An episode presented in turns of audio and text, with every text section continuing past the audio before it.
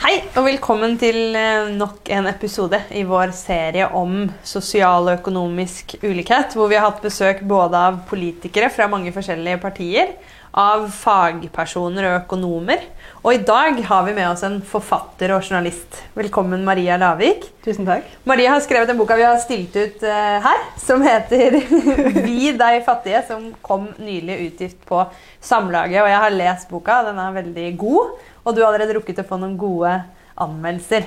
Så jeg tenkte jeg skulle begynne med å stille deg et spørsmål hvorfor. Hvorfor vil du skrive denne boka? Um, jeg ville skrive den boken fordi den er ikke blitt skrevet før. Uh, jeg syns det er veldig lite fortelling om folk som på en måte er på bunnen i samfunnet. Du, en leser mye kanskje om middelklassens uh, problemer og, og kvaler, liksom. Så jeg tenker at det er en grei sånn reorientering for folk, kanskje. Um, og så er jo det er jo valgkamp nå og stortingsvalg, og jeg tenker at det er viktig å, å sette et sånt tema på agendaen. da. Mm. Ja. Men hvem er altså For å ta det store bildet først. Hvem er de fattige i Norge i dag? Det, det er store grupper, men du kan kanskje dele det inn i liksom to ting som går igjen. da. Det ene er hvis du har innvandrerbakgrunn, så er du større sjanse for å være fattig. Eh, eller hvis du er aleneforsørger, så har du òg større sjanse for å være fattig. Eh, og i den gruppa er det også ofte folk som har lavere utdanning, eh, dårligere tilknytning til arbeidslivet, at de jobber litt, ikke så mye, eller at de er litt sånn inn og ut av arbeidslivet. så det er vel litt de tingene som går igjen. Og så hvis det er store barnekull i familien, da er det òg større sjanse for at de er fattige. Mm. Og hva er liksom grensa eller definisjonen på å være fattig? Ja, det, det, det, er tatt med i boka. Ja, ja. Litt sånn teknisk. men Eh. Det er forskjellige måter ja. å definere det på. Du kan bruke en sånn superstreng sånn én dollar om dagen-aktig mm. absolutt grense. Eh, det gjør ikke jeg i boka. Jeg bruker mm. sånn relativ fattigdom, mm. der du ser fattigdom i forhold til uh, liksom den større delen av befolkningen. Så du bruker medianinntekt. Eh, så hvis du tjener eh, 60% mindre altså hvis husholdningen din har mindre enn 60 av medianinntekter, da blir du mm. regna så uh, fattig. Mm. Uh, og så her har vi en sånn flott uh, tabell da, som kan finne din husholdning. Yeah. så hvis du f.eks. er par med ett barn, og det tjener under 35 000 sånn cirka i måneden etter skatt, da blir husholdningen regna så fattig. Mm. Og da er det òg tatt med barnetrygd og alle typer ytelser. Så hvis du har mindre enn 35 000 og rutter med Hvis det er et par med ett barn, så blir du regna som fattig. Mm. Ja. Og dette går jo inn i den eh, diskusjonen om ulikhet. Dette med relativ fattigdom. For man er fattig i seg selv, men også i forhold til andre. mm. sant? At det, det, er annerledes å være fattig i et samfunn hvor mange har veldig mye. Men du, i, i denne boka så har du intervjua og fulgt åtte forskjellige eh, familier som på ulik vis eh, er eh, fattige, eller opplever det ulikt. Hva er på en måte Hvis man skal eh, gi et bilde av hvordan er det å være fattig i Norge i dag? Um, de familiene jeg har snakka med, lever jo forskjellige liv, og de har forskjellig bakgrunn og de har forskjellige måter å håndtere det å være fattige på. Eh, så de er forskjellige, men kanskje det som går litt igjen med alle jeg snakker med, er at jeg opplever veldig mye stress. Mm. Eh, og vi har kanskje lært oss til å tenke at stress er en sånn individuell ting, og vi må ta oss sammen, og vi må meditere og drive yoga og alt det der. Men jeg begynte å liksom forstå da når jeg skrev denne boka, at stress er også et sånn samfunnsproblem. Mm. Og det er sånn at hvis du er på bunnen og har minst, så er det mye større sjanse for å få psykiske plager, stress, uro. Og alle disse tingene spiller jo inn på hvordan foreldrene har det med seg sjøl, og hvordan eh, de har det med ungene sine. Mm. Så, så der med stress har vel kanskje gått igjen at mange er urolige og tenker mye på, på framtida og er urolige for framtida. De vet ikke hvor de kan bo neste, neste måned, neste år. Det er en sånn følelse av, Mange beskriver en følelse av å miste kontroll over livene sine. Mm. Mm. Og du peker også på i boka litt for dette påvirker også barna. og Du peker på at det egentlig er to liksom, modeller. Man kan se på en måte foreldrenes økonomiske situasjon, påvirkning på barn. Tror du, du kaller det eh, investeringsmodellen og, og eh, familiestressmodellen. og Hva er på en måte forskjellen? For Det høres jo det høres bedre ut å være barn i den første modellen. Ja, I investeringsmodellen så er det liksom det at foreldrene, hvis de er rike, så kan de investere mer i barna og kjøpe det de trenger, og betale husleie og, og, og sikre liksom, den økonomiske eh, ramma for ungene. Mm. Eh, så de kan investere i ungene sine. Um, og da er det kanskje litt sånn politisk da litt lettere å komme inn med sånn OK, støtte et fritidstilbud her, eller gjøre noen sånne enkle ting sånn at barna får litt mer av det de andre barna har. Men hvis du ser på den familiestressmodellen, som jeg på en måte kanskje har blitt litt inspirert av, og som jeg ser igjen eh, gjør de i intervjuet, så sier den at hvis foreldrene er urolige pga. økonomi, så gjør det at de eh, ikke alltid klarer å bli gode omsorgspersoner for ungene sine. De kan bli eh, mer sinte. Eh, de kan av og til bli mer sånn superstrenge. Sånn 'Nei, det er ikke lov', eller 'da får du ikke lov til'. Fordi de har liksom ikke rom til å være den der eh, liksom, rolige, trygge omsorgspersonen. da. Og det igjen kan påvirke barna i at de blir utrygge. Kanskje de ofte ikke vil si alltid hva de trenger. At de føler et veldig ansvar for hvordan foreldrene har det. da. Mm. Um, så de to modellene jobb, jobber jo samtidig, da. Mm. Men jeg, jeg tror jeg kanskje fant mye eh, forståelse i å lese om den familiestressmodellen. For det Mm. syns jeg jeg så mye igjen i, i de familiene som jeg fikk eh, følge. Mm. Og så syns jeg også det er interessant i boka fordi eh, eh, selv, hvis man ønsker å på en måte komme seg ut av det og komme et skritt videre, så er det en del sånne systemiske problemer. Jeg tror det var i fortellingen om hun som het Elena, eller som du har kalt Elena, som, eh, som eh, jobba som renholder. Og som, hvis hun økte sin stillingsprosent og fikk mer lønn, så fikk hun avkortning i bostøtte. Og i tillegg så var det jo ikke mulig, fordi hun kunne, hun kunne ikke jobbe 100% fordi hun var aleneforsørger og skulle levere et barn på morgenen og kunne ikke begynne så tidlig. Så hvordan, hvordan er det her hvis man først har havnet i fattigdom? Det kan virke veldig vanskelig å eh, Selv om vi, vi tenker da, at vi har et samfunn som støtter eh, og skal stille opp for de som har minst, så kan det virke vanskelig å, å finne en annen vei.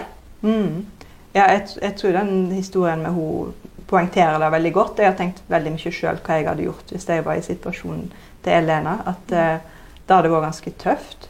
Og så kanskje så viser det òg en sånn holdning vi har i samfunnet om at da å ha barn ikke er en jobb. liksom. Mm. Vi har jo SFO og skole og barnehage og alt det der. Så det er en slags idé om at alt det der med å faktisk være en mor eller være en far, da skal du på en måte gjøre i tillegg til å ha en fulltidsjobb. Eh, og Elena får jo ikke det til. Hun, hun jobber som vaskehjelp, og hun har en del reisevei til å få jobben sin. Og så er det jo begrensa hvor lenge dattera hennes Sofie kan være på skolen og i SFO. Eh, så hun jobber 60 Og liksom, jeg, jeg klarer ikke å se for meg at jeg hadde klart å jobbe 100% i en sånn type fysisk jobb med en, med en datter som eh, blir mer og mer sånn utagerende mens, mens jeg følger dem, da, og som Mm. krever mer og mer tid Mm. til mora. Og så viser du også Det var en annen fortelling med en som som, eh, som du gjør et poeng ut av, har doktorgrad. Det er ikke sånn at det å være fattig nødvendigvis bare er noe eh, folk med lav utdanning har. Eh, og beskriver møtet eh, med det offentlige for en med doktorgrad, som selv en med doktorgrad syns er vanskelig å få til. Liksom, møte eh, eh, personer hos Nav som er forskjellige hver gang, og som, som aldri er fysisk. Og, så, hva, hvilke refleksjoner gjør det deg rundt, rundt det systemet?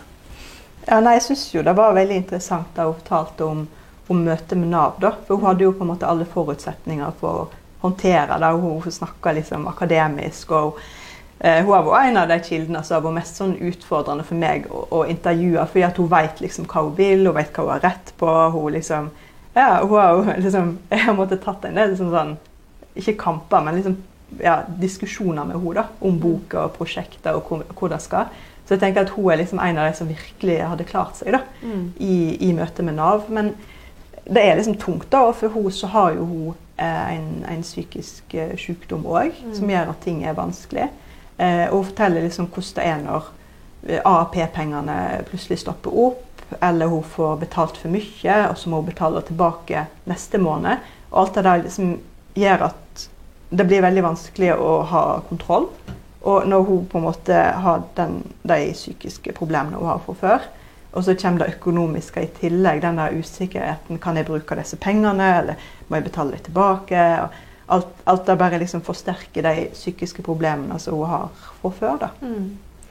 Og så beskriver du også, eller du illustrerer i hvert fall hvordan dette kan se ut til å ha blitt verre over tid. At vi lever mer distansert. Du har noen sånne fine eh, sitater om at du, du bl.a. peker på at sant, du kjenner folk som har vaskehjelp, mens noen av de du intervjuer, selv vasker etter andre. Og du kjenner folk som flytter ut av sentrumsområder hvor det er kriminalitet når de får barn, mens andre må bo der. Og kanskje også eh, tjene til livets vei ved å, å gjøre, begå kriminalitet. Og, og, at du kan bo i en bolig eh, og tjene på verdistigning, mens andre må leie og rett og slett overføre de pengene eh, til, til, oss som, som eier. Mm. Så hva, hva, sier det om samfunnet vårt? Tenker du at det er lengre liksom, avstand eh, mellom oss enn det har vært eh, før? Uh, jeg, føler, liksom, jeg, føler, ikke jeg har levd så lenge at jeg kan si det helt klart. Og jeg flytta jo liksom til Oslo fra bygda, mm. der ting er litt mer sånn Folk er på samme nivå. Mm. Men jeg merka jo da bare den tida jeg har bodd i Oslo, at bydelene endrer seg litt. At du mm. får mer og mer sånn én type folk i én mm. bydel. Uh, så, så da har jeg tenkt litt på at, at miljøet blir mer og mer eh, homogent. Eh, og, og, så har jeg tenkt mye på det der med at jeg tror når, når ulikheten øker og det blir større avstand mellom folk sånn, geografisk, økonomisk, så er det lettere å begynne å lage litt sånn fiendebilde av andre. Og da ser du jo f.eks. i i England, der en har et uttrykk som chavs, og i USA, der en snakker om white trash, at det er liksom kanskje en større kultur for å se ned på folk som er fattige. da. Mm. Eh, fordi at en hele tiden kan føle både at det er stor avstand til dem, men òg at det blir skumlere og skumlere å skulle falle. da. Mm. At det blir en sånn eksistensiell trussel for folk som ennå ikke har blitt fattige. Og, og, og liksom da lage forestillinger om hva fattigdom er, og hva som er feil med folk som er fattige. Det blir en sånn måte å beskytte seg sjøl ifra det at en sjøl kan bli det. da. Mm. Du skriver også litt om, om, koronakrisen. Hva slags effekt har den hatt på noen av de du, kildene i, i din bok? Eh, den har ofte forsterka de tingene som var der fra før, som mm. var vanskelig. Mm. Så, altså for noen av familiene så har de brukt tida positivt og, og liksom gjort fine ting i lag og, og, sånn. Så det har jo vært fint. Men, men så har det òg vært sånn Hvis det har vært litt vanskelig, så har det blitt mye vanskeligere. For det har vært liksom mer for seg sjøl, og mange av dem bor jo ganske tett. Jeg Har liten plass. Så det blir liksom mer konflikter og ha heimeskole og sånn hvis du har en ettroms. ikke sant? Og mm. ikke, altså, heimekontoret er kanskje ikke så lett da. Mm. Så um, sånn konkret så har jeg f.eks. en gutt som jeg følger, som er 13 år, som heter August. Som når jeg begynner å snakke med han, og, eller begynner å følge familien, så er han litt sånn, litt sånn var og fin, litt engstelig gutt. Um, som tar veldig mye ansvar uh, og, sånn hjemme. Og så i løpet av koronatida så bor han uh, Ja, så går han mye hjemme, det er hjemmeskole. Det er mye konflikter og sånn. Så det ender han opp med å måtte bo på en sånn midlertidig fosterhjem. Mm. Og da sier både han og mor at dette skjedde pga. korona. Det hadde ikke skjedd ellers. Mm. Det er vanskelig å si, men, men, det er jo kanskje lett å se for seg når, når en går sånn oppå hverandre. og har ikke så mye stimuli sånn utenfra. Mm. Og Du beskriver også at noen har mista tilbud, f.eks. Sånn psykososial oppfølging og den type ting som har blitt borte, som det har vært en del fokus på mm. nå i det siste. Og det er det noen av de du har intervjua som har opplevd. Mm. Eh, og hvor avhengig er eh, Hvis man er fattig i dag, hvor avhengig er man av liksom, frivillige tilbud og få hjelp? Vi har jo sett alle sant, køene utenfor Fattighuset som har økt, spesielt under koronapandemien. og sånn. Hvor, hvor, stor del av, av, det å få livet til å gå rundt uh, betyr det for de, bl.a. de du har snakka med i boka? Mm, det er litt forskjellig. Noen av de jeg snakker med, bruker ikke frivillig tilbud i det hele tatt. Og jeg tror kanskje ikke de vet helt om det heller. På en måte Jeg har prøvd å spørre litt, men det er liksom, nei, jeg tror ikke det er noe her. Eh, og så er det andre, sånn som Elena, som jeg følger, som er liksom det jeg kaller ekspert på å være fattig. Hun har liksom i hodet tiårsdag for matutdeling over hele byen. Hun vet hvor hun skal gå for å få de forskjellige tingene som hun trenger til seg sjøl og til dattera. Og når vi møtes uh, i juletida, så har hun liksom ordna julefeiring, julepresanger, julemat. Alt gjennom det frivillige tilbudet som er. Uh, så hun uh, bruker jo masse tid på det. Og det er jo på en måte en ting som hun gjør, som òg gjør at hun føler seg litt stolt. Hun viser ofte fram liksom, hva hun har fått, og hva hun har fått til. og, og sånn, Så det er liksom en, en fin ting. Samtidig så mister hun på en måte litt kontroll. da, For Hun får liksom den maten hun får i den matkassen. Og av og til så er det sånn fem helt like ting, fordi at det er det du har fått ifra, i donasjoner fra butikker den dagen. Så det er liksom litt sånn ja, En mister liksom enda mer kontroll da, og, og blir liksom prisgitt eh, andre. Og da, da er jo litt sånn problematisk. da. Mm. Hva var det som overraska deg mest da du skrev den boka, eller påvirka deg mest, eller? Nei, det var liksom det å, å se at mange av ungene hadde det liksom tungt. Mm. Og at de tok veldig mye ansvar for, for foreldrene sine. At de ikke alltid kunne være De hadde ikke så mange frirom til å være barn. da. De hadde ikke alltid penger til å drive aktiviteter, og de hadde kanskje ikke overskudd til det. Um, så, så det var jo det som gjorde mest inntrykk. Mm. Eh, vi skal snakke litt eh, om løsninger. Hva er det de du har snakka med selv mener skal til for å gjøre situasjonen bedre? Mm. Det, det mest, boken er mest en sånn problembeskrivelse, og det er ikke noe sånn manifest i ene Mm. eller andre retningen. Men én ting som ene trekker fram, hun Helga, hun sier at sånn, hvis det hadde blitt gratis skolemat, så hadde ting vært litt enklere for meg. Mm. For det var perioder der ting var veldig veldig vanskelig for familien.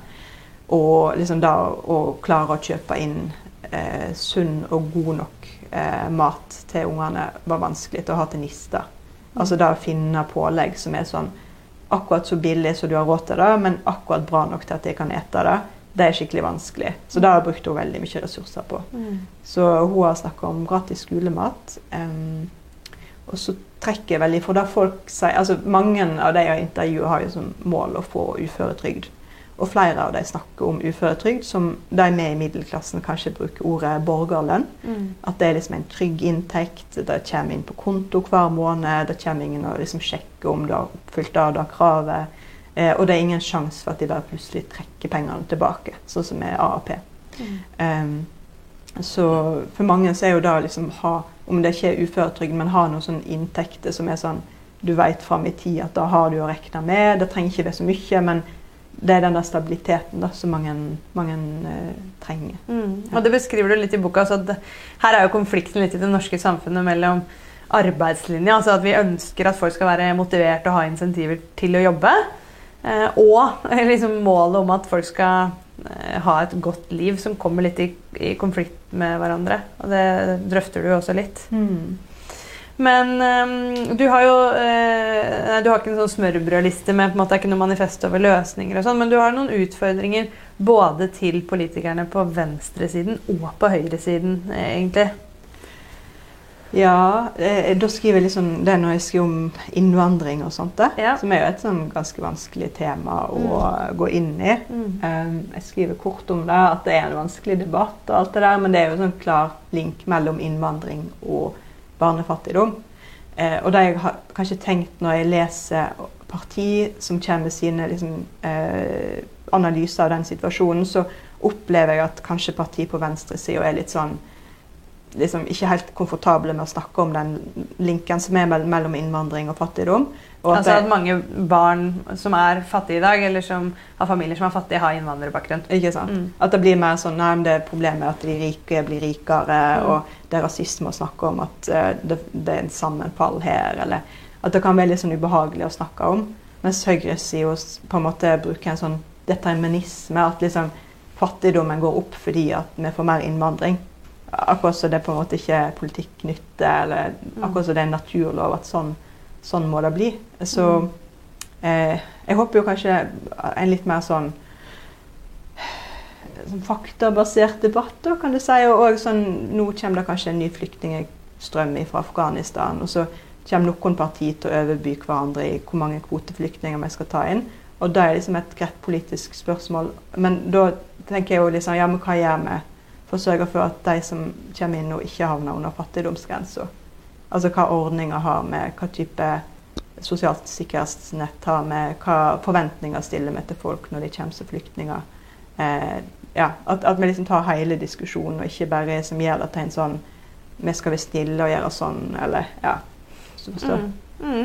Og litt det du også liksom reflekterer over, er at hver gang man endrer Du skriver fint om det, at hver gang man gjør noe for å liksom stramme opp systemene eller stille mer krav, så får det liksom praktiske betydninger. Du skriver litt om disse arbeidsavklaringspengene hvor man har innkorta perioden. Mm. At det, det påvirker jo folk, som jo er meningen, men det får også noen konsekvenser som man kanskje ikke er ja, så klar over eller så åpne om. Eh, Mm. Som jeg tenker er veldig interessant for politikerne å, å få et nærmere innblikk i.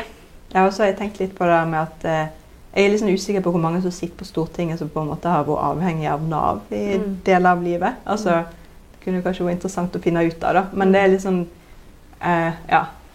Altså, det er kanskje lettere å gjennomføre en politikk som en sjøl ikke har følt sånn konsekvensene av sjøl. Mm. Veldig bra. Tusen takk, Maria. Jeg tenker at En av tingene som er problemet også med debatten i dag, er at mange av de som er fattige i dag, ikke kommer til orde i samfunnsdebatten. Og at ofte så snakker vi om de rike og om skatt også fordi de har lett tilgang på mediene og kan være med å prege debatten, mens eh, de som du har snakka med i denne boka, ikke så lett kommer til orde. Så tusen takk for den jobben. Jeg håper alle leser boka ditt. Den var både veldig sterk, og, og jeg lærte mye nytt. Så tusen takk for det, og takk for at du kom til oss. Tusen takk.